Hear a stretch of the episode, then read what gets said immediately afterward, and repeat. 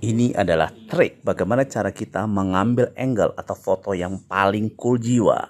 Yang pertama, kita harus mencari tempat yang sepi. Biar nanti nggak dilihat sama orang lain. Biar nggak kayak orang gila bro.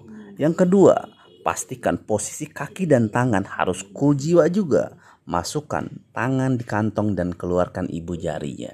Yang ketiga, biar lebih cool jiwa lagi, ambil kacamata. Kita pakai kacamatanya. Yang keempat, foto. Oke bro,